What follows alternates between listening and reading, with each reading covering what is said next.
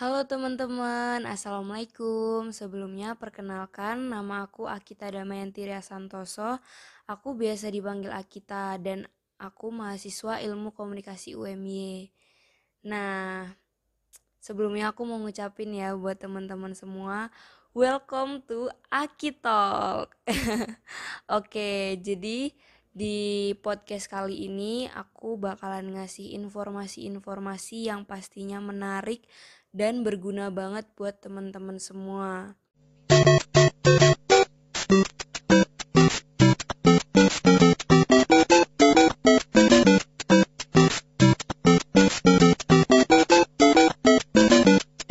Nah, di podcast pertama aku kali ini, aku bakalan bahas mengenai teknologi penyiaran. Tapi sebelum kita berbicara lebih jauh mengenai teknologi penyiaran, sebenarnya apa sih penyiaran itu? Oke, jadi penyiaran dan siaran lahir berkat perkembangan teknologi elektronik yang diaplikasikan ke dalam bentuk teknologi komunikasi dan informasi.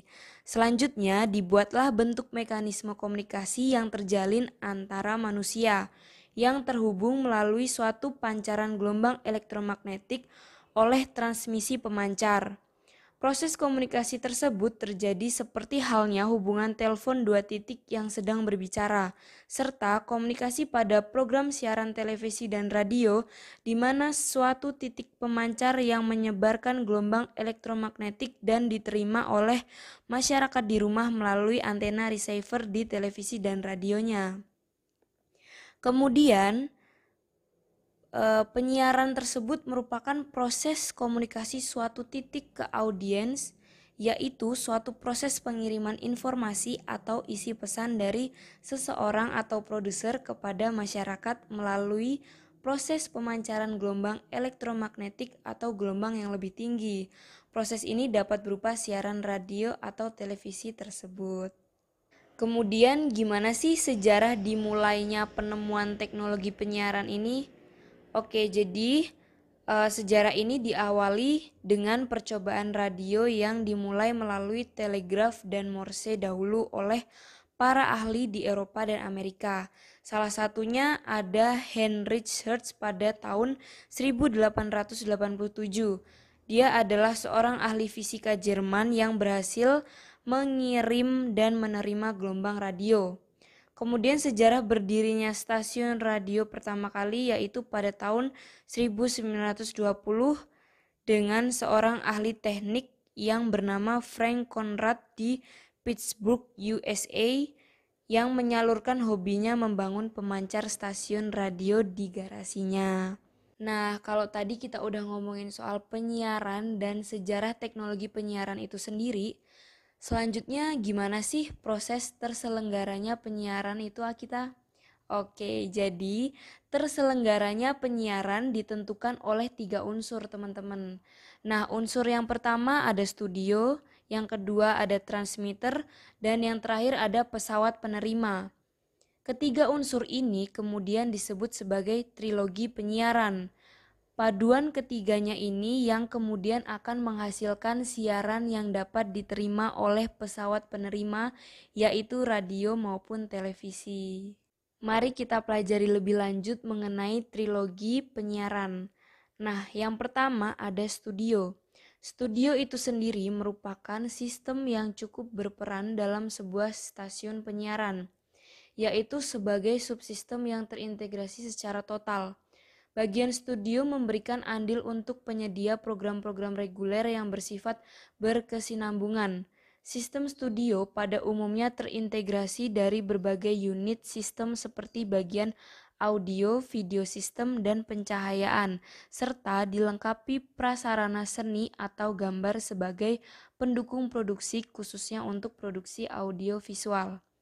Studio merupakan tempat produksi informasi sekaligus menyiarkan yakni mengubah ide dan gagasan menjadi bentuk pesan baik gambar maupun suara. Studio sebagai penyuplai program acara dibagi menjadi dua kategori besar, yaitu siaran langsung seperti program berita yang memiliki kekuatan informasi untuk segera disiarkan. Dan yang kedua adalah siaran rekam, yaitu program acara yang direkam terlebih dahulu baik program acara non-drama seperti musik, olahraga, dan program acara drama lainnya. Next, yang kedua ada transmitter. Transmitter merupakan salah satu unsur dalam proses penyiaran yang berfungsi untuk mengantarkan gambar dan suara dari studio berupa gelombang elektromagnetik yang membawa muatan informasi untuk dipancarkan atau disalurkan melalui kabel atau serat optik. Ada tiga cara sistem. Yang pertama ada satelit komunikasi sistem DBS atau panduan satelit penyiaran. Yang kedua ada sistem semi DBS dan yang ketiga ada sistem gabungan atau penyaluran dan satelit. Kemudian yang terakhir ada pesawat penerima. Nah, pesawat penerima ini merupakan alat yang berfungsi untuk mengubah gelombang elektromagnetik yang membawa muatan informasi berupa sinyal suara dan sinyal gambar proyeksi menjadi bentuk pesan yang dapat dinikmati. Pancaran gelombang elektromagnetik yang membawa muatan sinyal suara yang terbentuk melalui mikrofon Kemudian pancaran ini diterima oleh sistem antena untuk diteruskan ke pesawat penerima dan sinyal suara itu diubah kembali menjadi suara di dalam audio loudspeaker.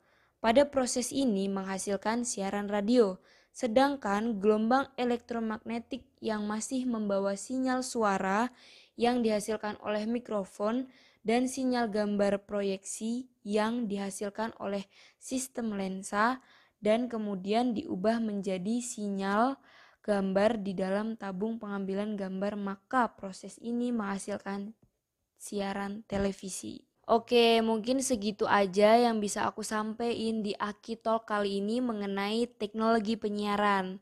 Semoga informasi-informasi tadi berguna bagi teman-teman semua dan semoga kita bisa ketemu lagi di podcast-podcast aku lainnya. Sampai jumpa teman-teman. Kurang lebihnya mohon maaf. Wassalamualaikum warahmatullahi wabarakatuh. Dadah.